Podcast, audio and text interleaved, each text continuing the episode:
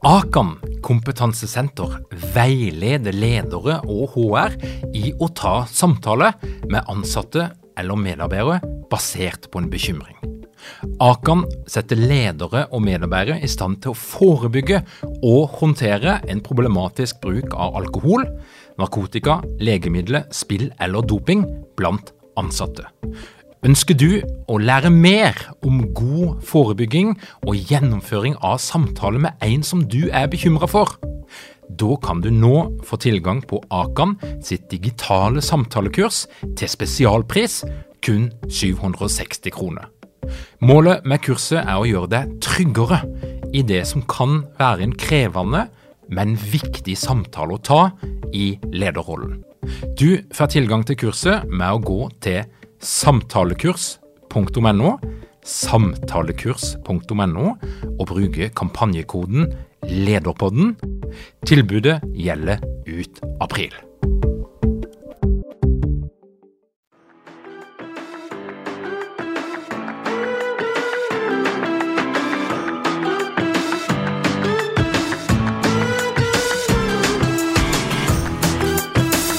Velkommen til Lederpodden.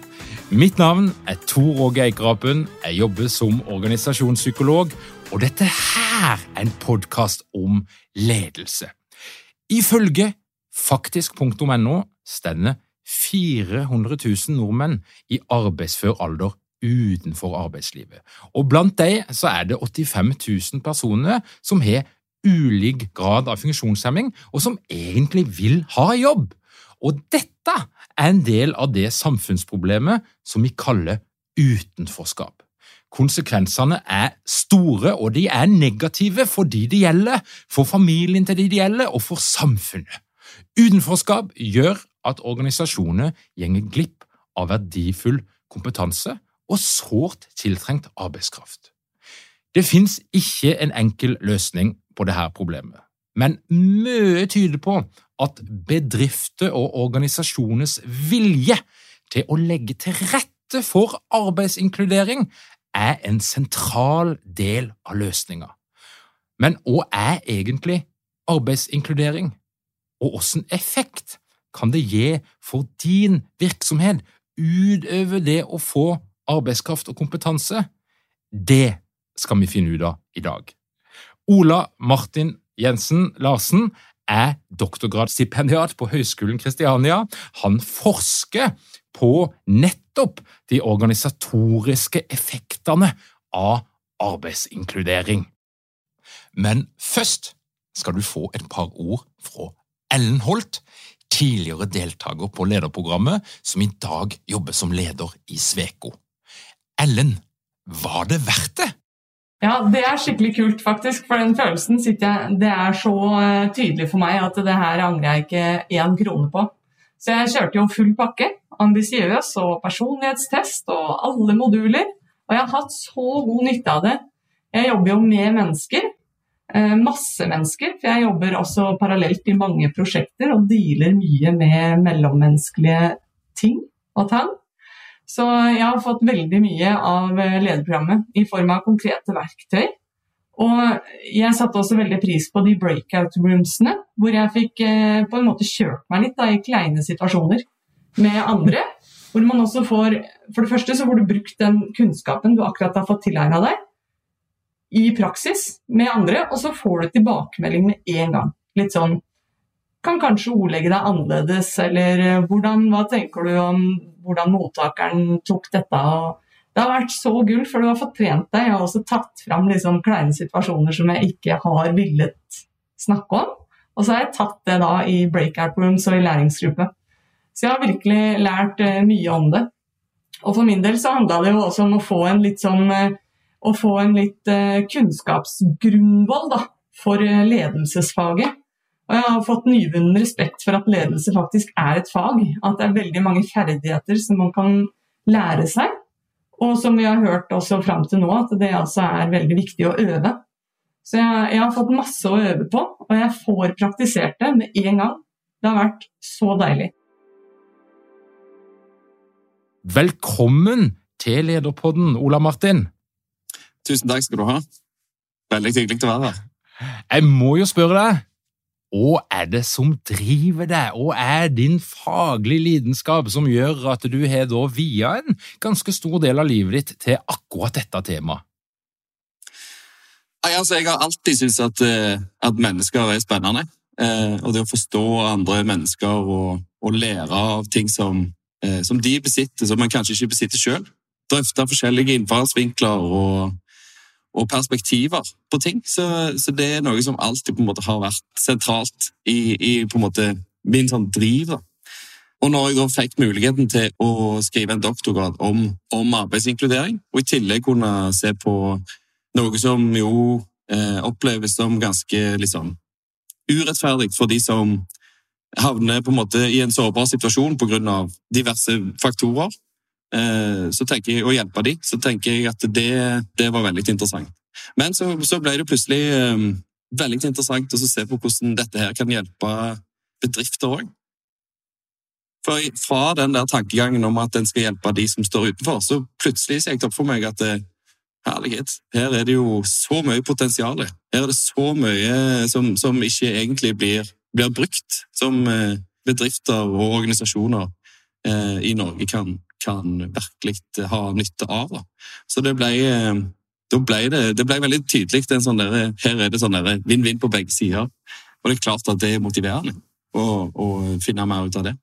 Og så De her begrepene er jo noe som vi snakker en del om, men, men jeg tror vi har kanskje ofte litt sånn ulik ja, opplevelser og betyr egentlig? Og alle gode oppgaver de starter jo med en begrepsdefinisjon. Og når vi snakker om utenforskap og arbeidsinkludering i Norge, hva, hva legger vi i det?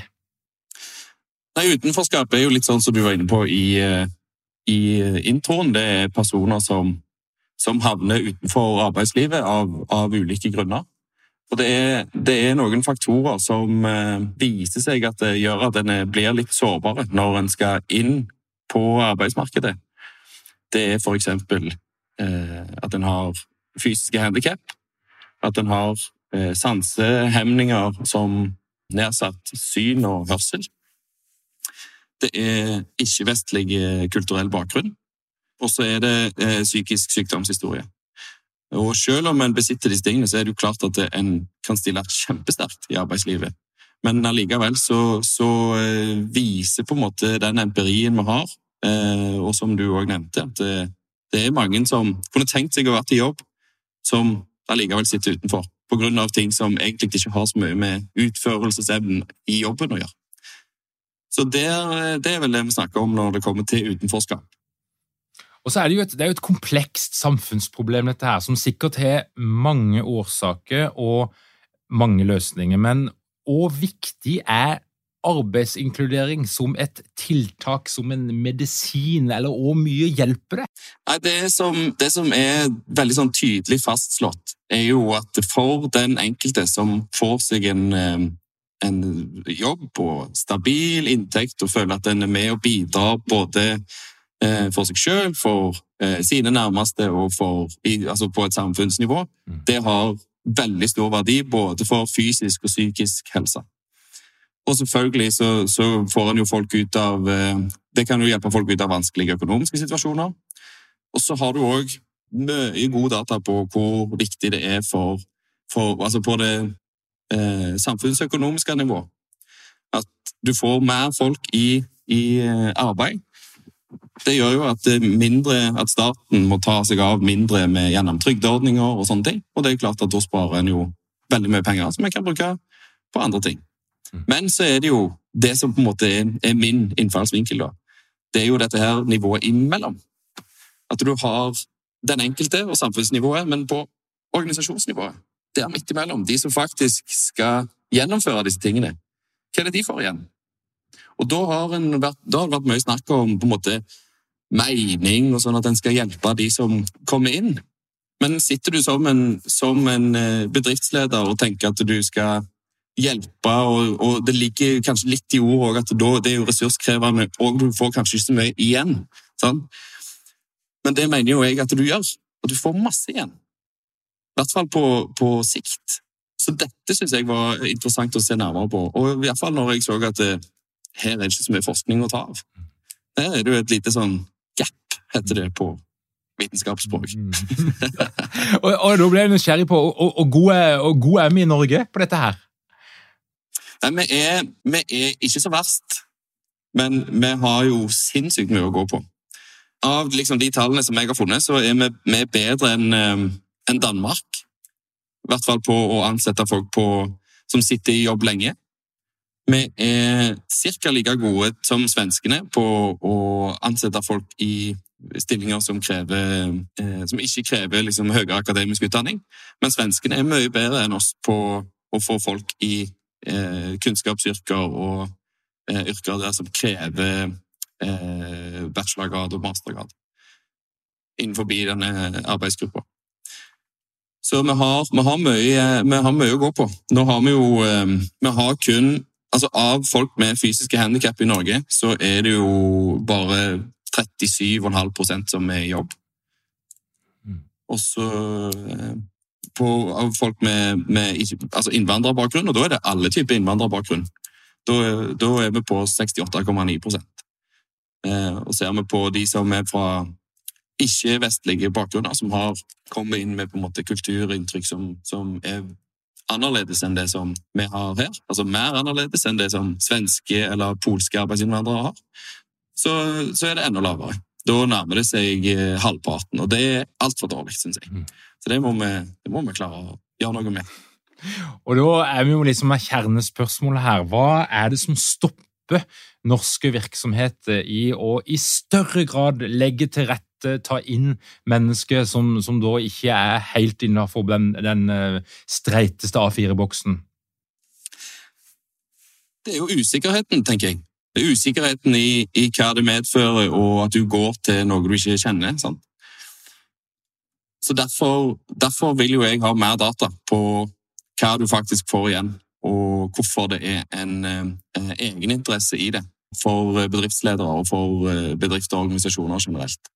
Så eh, da har jo, eh, som et sånn innledende arbeid på det som jeg har gjort, så har jeg funnet ut at eh, det er Eh, på, på, på en måte tre forskjellige nivåer. Da.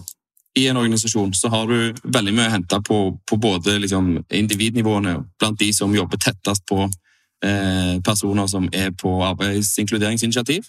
Du har På team- og gruppenivå så har du veldig gode eh, effekter av det. Og for ledere og på organisasjonsnivå sånn totalt sett så viser det at det òg har mye å si. Altså Du får mye, mye ekstra. Mye gode effekter av det på, Iallfall på mellom og, og lang sikt. da. Ja, og, og, og, hva, og, hva, gjør det med en organisasjon? Altså, vi har jo hatt besøk av, av Stormberg eh, med et par anledninger her i Lederpodden, som har beskrevet litt eh, hvordan de jobber, eh, og hvordan det henger sammen med de verdiene de har, og de som, hvordan de ønsker å ha det på arbeidsplassen. Og Det er jo mange i dag som snakker om mangfold, og så legger vi kanskje litt forskjellige ting i det mangfoldet. Men, men hvis du skal trekke fram noen sånn hovedfunn når det gjelder organisatoriske effekter av det å legge til rette for økt grad av arbeidsinkludering. Hva, hva er det en kan få på lengre eller middels lang sikt? Det vi ser, er at eh, arbeidsinkludering baserer seg på at den er åpen og verdsetter både eh, unikheten til de som kommer inn, og at eh, de får meningsfulle oppgaver som, som, gjør at de bidrar til den faktiske driften. At det ikke blir bare på en måte satt til noe som ikke betyr noen ting. Da mm. ser en at eh, det fører til økt opplevelse av tilknytning eller tilhørighet for de personene som, som jobber tettest på. At de føler at her er vi, her er vi med på noe som er viktigere enn bare liksom, det daglige virket. Og Det er jo sånne ting som gjør at du får lavere turnover, at du blir mer, mer eh, du, du knytter tettere emosjonelle bånd til arbeidsplassen. Som òg er på en måte over på det andre hovedfunnet, som handler om individnivå. Da at eh, du får økt motivasjon eh, av å jobbe sammen med andre. Det, det kan bli mer spennende. Det kan jo, sånn som eh, nevnt, med den følelsen av tilknytning fører jo til at du blir mer engasjert. Og du Ja, du er rett og slett på, på en plass som gjør at du, du, er villig til å legge mer i jobben din. Fordi du, du har knytta de der ekstra båndene. Og ledere, for det er jo kanskje ekstra interessant her, ledere som, som har lederansvar for eh, folk som er på arbeidsinkluderingsinitiativer. Det viser seg at de utvikler lederegenskapene sine ganske markant. De lærer seg å kommunisere på, altså med, med, mennesker som de ikke er vant til å kommunisere med. Så de øker på en måte den eh, totale kommunikasjonsevnen sin ganske mye. Som òg selvfølgelig smitter over på andre de har eh, personalansvar for. Eh, viser seg at de øker følelsen av forståelse og empati for sine, sine ansatte, og lettere kan se det blir sånn Hvis du får inn en som, som har problemer med ryggen og trenger tilrettelegging for, for rygg, veldig sånn der tydelig, så kan det òg være lettere for ledere å se at andre har behov for den samme tilretteleggingen, uten at det blir liksom veldig tydelig. Da. Så, og eh, sånne ting har vi på en måte sett. Eh, og Eh, rett og slett at det er bredere forståelse av, av, at det er forskjeller blant folk. Og folk tenker på forskjellige måter og har forskjellige behov.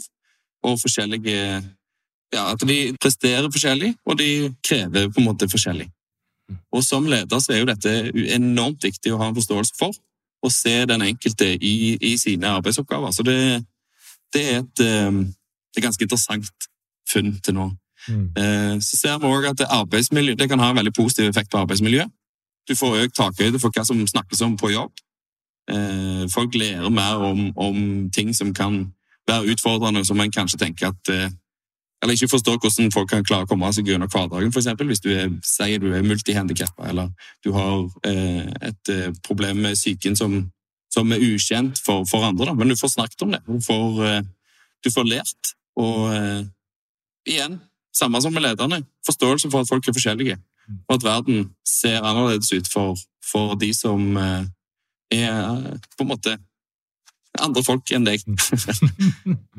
så eh, det er på en måte eh, hovedfunnene. Og hvis du slår dette sammen, så er det klart at økt tilknytning og økt motivasjon og flinkere ledere og bedre arbeidsmiljø det er jo klart at det gir et positivt utslag på konkurransedyktigheten og på, på produktivitet. Og det er jo som, det er sånne ting som ledere streber etter hele veien. Så eh, kan du få det her, så, så eh, Og så hørte jeg Dette er en liten anekdote, da, dette er jo ikke en del av min forskning, men jeg hørte om en, eh, en hjerneforsker. Han heter Lotto, det er et festlig navn, men han fant at når du er ute på, på reiser og opplever nye ting og treffer nye folk, så ser han en helt markant sånn her, effekt på de eh, eh nervekoblingene i hjernen.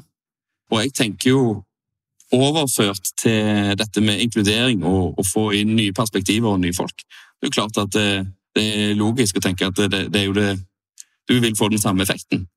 Så det, nå blir det jo litt flåsete sagt, men du får større hjerne av, av å drive med arbeidsinkludering.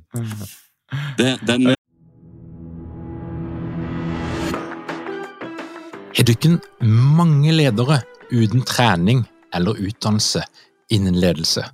Mangler dere en felles kultur og praksis for ledelse? Ønsker dere å være bedre rustet for fremtidig vekst og endring? Da kan et internt lederutviklingsprogram være en god investering. I Execu så er vi eksperter på å designe og gjennomføre bedriftsinterne lederutviklingsprogram. Hvis du ønsker å lære mer om hvordan vi kan hjelpe dykken til å få enda bedre ledere, ta og klikk deg inn på execu.no.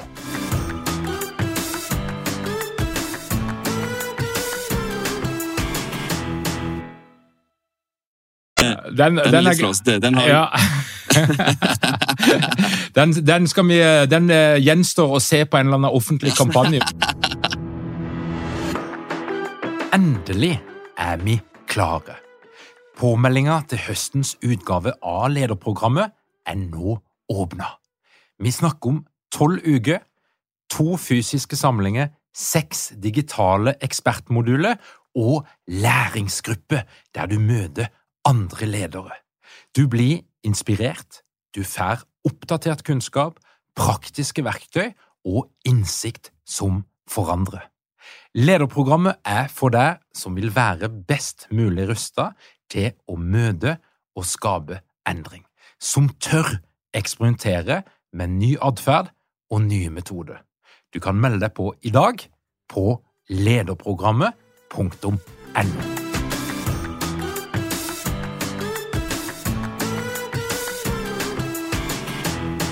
Men det er jo eh, det er, Når du snakker nå, så Det gir jo mening, da, for det, eh, det er jo mange virksomheter som eh, strever litt med å gi sine medarbeidere den her meninga som veldig mange nå søker etter. Som vi, ønsker at det skal oppleves som meningsfullt å jobbe der vi jobber. Mm. Og, og, det du sier noe om, da, det du ser i forskninga di, det er jo at det å ta inn ulike mennesker med ulike funksjonsnedsettelser, som er kanskje også annerledes enn de som er der fra før, ja, det er med på å vise at denne virksomheten handler om noe annet enn å bare tjene penger til eierne og, og få ut maksimal profitt. Altså, det har en samfunnsfunksjon. Og jeg, er jo veldig godt kjent med, med den indre motivasjonen. og Der snakker vi jo ofte om denne opplevelsen av å være en del av noe som er større enn seg sjøl. Og da hører jo jeg at arbeidsinkludering kan faktisk være med på å skape den opplevelsen av mening. Rett og slett fordi at du ser at denne jobben er noe mer enn en, en det en kanskje først trodde den var. Absolutt. Absolutt. Nei, Jeg er helt enig med deg, og det er på en måte det som er det letteste å se òg, da. At eh, fordi det er på én-til-én-basis at her har du, du, du, ser disse effektene veldig tydelig hos personer som har eh, vært gjennom en Og jeg sier jo en god eh, arbeidsinkluderingsprosess, for det, det er et viktig poeng å få med òg, da. At det, ting skal Akkurat sånn som alt annet, så skal det bli gjort på en, en skikkelig måte ting skal, må bli gjort eh, med respekt for, for, både de som er der fra før, og de som kommer inn. Så, eh, og det er, det er, krevende. Det er klart at det er krevende. Det er noe som på en måte er Vi kan, vi kan sitte og snakke om på en måte alle sånne fantastiske ting òg, men det er jo klart at eh, hadde det vært så fantastisk som det av og til høres ut, så hadde det jo òg vært helt sikkert mye mer. Så der, Det er viktig å få med òg at den innledende prosessen viktig for bedrifter og ledere som, som inngår i dette, at de, at de tar det på alvor. At de ikke bare tenker at det, her prøver vi, og så bare la oss se hvordan dette her går uten å ha, ha lagt noe særlig tid på forhånd. Så det er viktig å forankre seg godt i den kunnskapen som finnes om hvordan en skal eh, gå inn i arbeidsinkluderingsprosjekter eller initiativer eller alt dette som hva du kaller det. Ja, for her er det jo masse Det er jo masse altså Det er jo noe som heter IA-avtalen. Jeg antar at eh, Nav er en eh, viktig aktør her, eller kan være det. Men hva vil det helt konkret kreve av en, en virksomhet å, eh, ansette en person da, som har en altså no, Noen av de tingene som du snakka om i stad, er jo kanskje ikke noen stor utfordring i det hele tatt. Det handler egentlig mer bare om å, om å gjøre det. Men, men, men hva er det som kreves? Jeg tenker at Først og fremst må alle inkluderingsinitiativer må være godt forankra i liksom, eh, bedriftene, og spesielt i de avdelingene som har størst ansvar. Der det kommer inn folk, de må være, altså de må være forberedt, de må vite hva de skal, og godt forankra i, i, eksisterende kunnskap. Drive med god evaluering fortløpende, mm. og, og gjøre, en, eh, gjøre en liten evaluering på, på forhånd òg, og se på, en måte på hva en, hva en sitter med fra før. Altså, har du noen ansatte som du, ser at kunne eh, gitt på en måte en god start til prosjektet, da, som kan være tettere på? Eh, noen som, som, er åpne, og som du vet at er empatiske og flinke å lytte og, og sånne ting. Så gjør en evaluering av hvem som er, som er egnet til å være i en startfase, og hvem som kanskje kan komme inn litt senere. Mhm. I, i ledersammenheng så, så eh, er jeg superfan av uh, dette med forventningsavklaringer. Å ha gode forventningsavklaringer. Både da, i, i dette tilfellet, med de som eh, Først av alt de som sitter og skal være en del av det, og det på en måte har noe å si for arbeidshverdagen deres. Og òg med de som kommer inn. Da får du kartlagt hva den enkelte kan bidra med, gitt de forutsetningene de har og du får en mye enklere sånn, tilretteleggingsprosess for de behovene som er der. Kanskje styrker og forbedringspotensialer i, i, den staben du har fra før. Mm. Og så er det jo også være for, godt forankra i den kunnskapen som finnes, selvfølgelig. Og se til ledende forskning på feltet. Noe av det viktigste som på en måte jeg baserer meg på, er jo det som heter supported employment, og det prinsippet med placed and train, istedenfor at du skal trene opp eh, generelle kunnskaper hos noen, og så skal du plassere dem i en spesifikk kontekst. Det ser jeg ikke helt poenget med. Eh, da er det mye bedre at hvis de skal gjøre en spesifikk jobb, så kan de trene seg den spesifikke jobben. Så må de ha eh, lov til å ha en, en, læringskurve, og de må ha lov til å kunne gjøre feil. Og det er læringen som, som i første omgang må, må være det som driver. Sånn som Altså, det er jo sånn med alle når du kommer ut i arbeidslivet. Det, det er ikke noe spesi altså spesielt for de som kommer fra en sårbar sånn, arbeidssituasjon. Det, alle har, må lære seg eh, jobben sin når de kommer på jobb. Du, det er veldig få som sitter og Si du har tatt en mastergrad. Så kommer du inn i en jobb, og så har du ikke lært, du har ikke hatt et spesifikt fag som heter akkurat den stillingsbeskrivelsen som du kommer inn i der. Du kan kanskje en ting og to fra før. Da har du litt forutsetninger, men du må lære de, spe, altså de spesifikke tingene. Så da å faktisk bruke arbeidsplassen som en læringsinstitusjon tidlig, ha lov å gjøre feil, og vise at en, på en måte, begge parter ønsker at eh, her skal man bare gjøre det som kreves for at en får opp den kompetansen som kreves, og lære på jobben. Mm. Det har snakket sagt i mange år. Lære på jobben. Det, det gjelder fremdeles.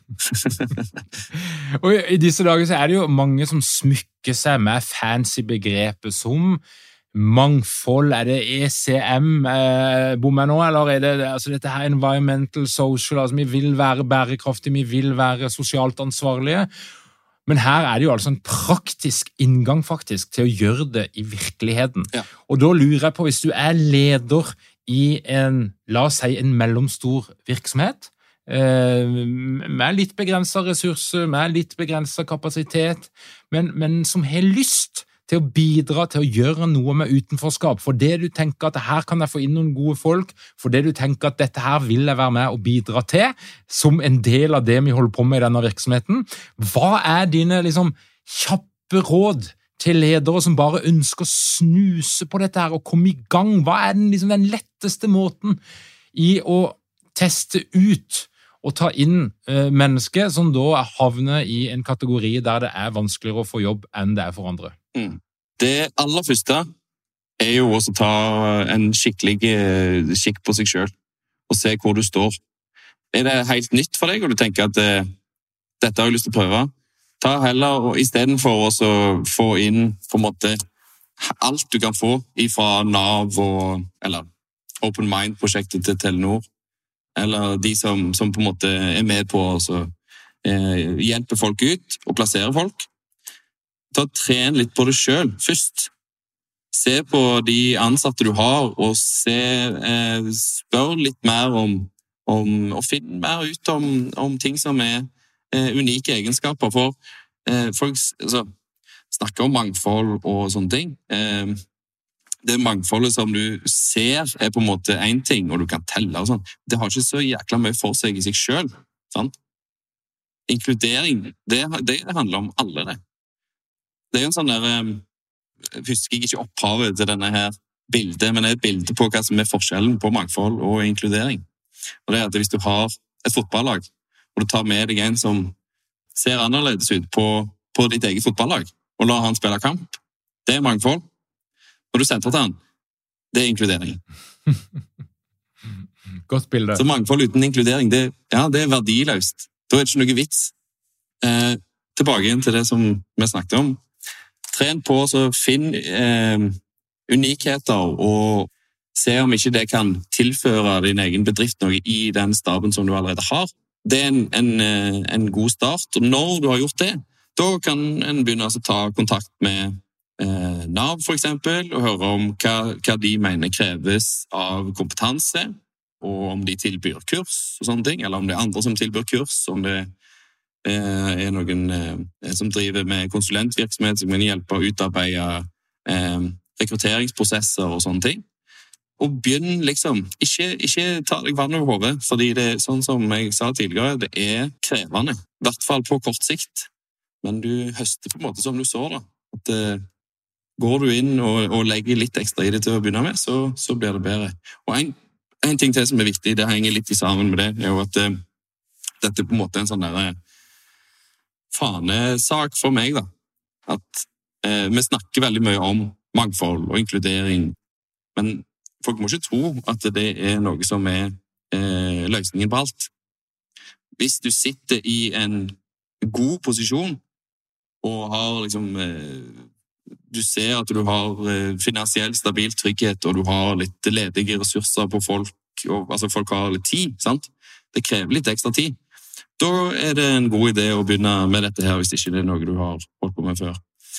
Hvis du, skal løse, hvis du sitter i en krisesituasjon, og det er armer og bein, og du skal begynne på et sånn langsiktig eh, prosjekt som det her faktisk er, eh, som handler om folk som kommer inn, og du ikke har tid til å ta vare på folk. De fleste ledere tror jeg har merka at hvis du ikke har tid til å ta vare på folk, så straffer jo det seg.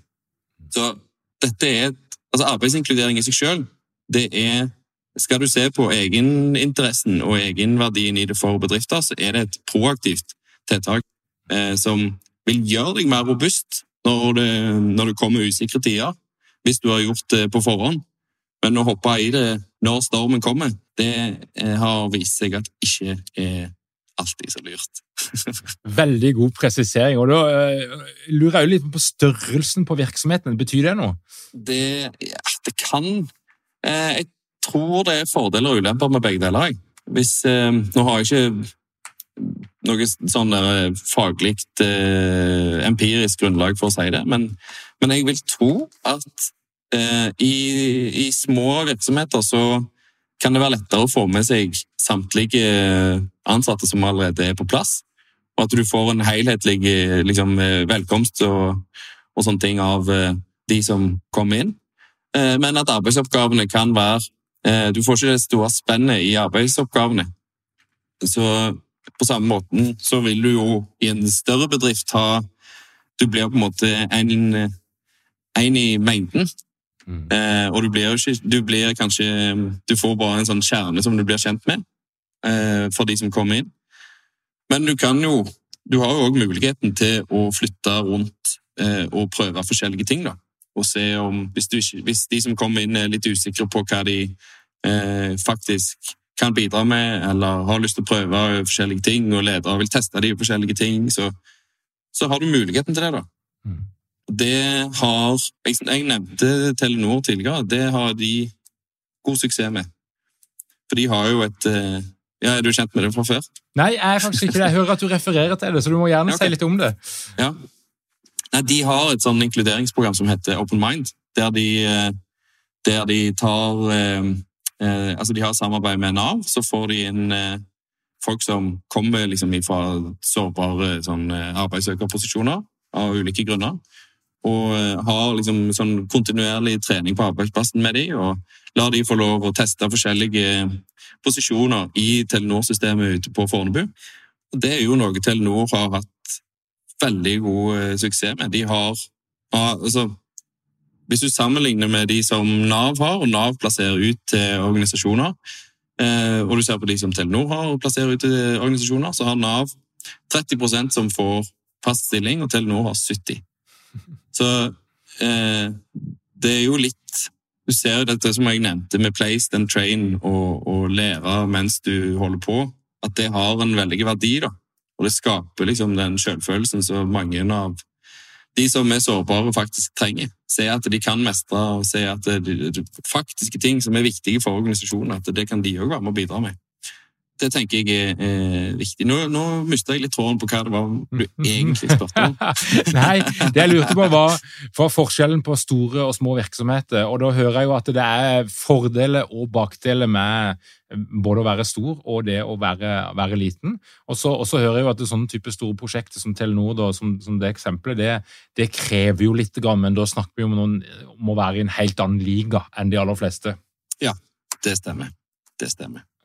Men eh, Ola Martin, du, du har jo nå eh, noen år foran deg med forskning, og eh, er jo veldig spent på det som kommer ut i den andre enden, så jeg håper jo du har muligheten til å komme tilbake til Lederpodden og komme med noen helt rå funn.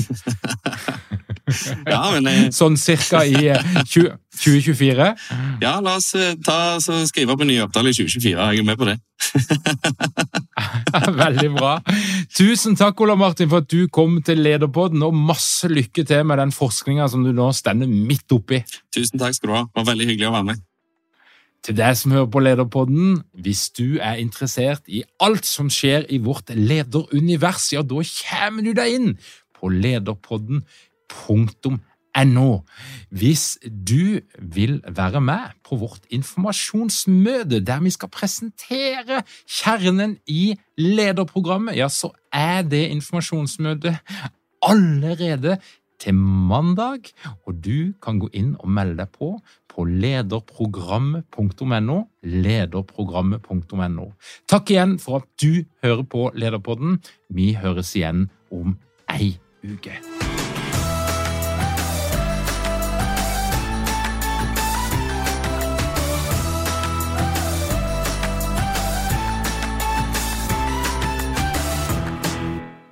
Lederpodden er gitt til deg av Execu. Vi tilbyr leder- og ledergruppeutvikling som gir effekt. Les mer på execu.no.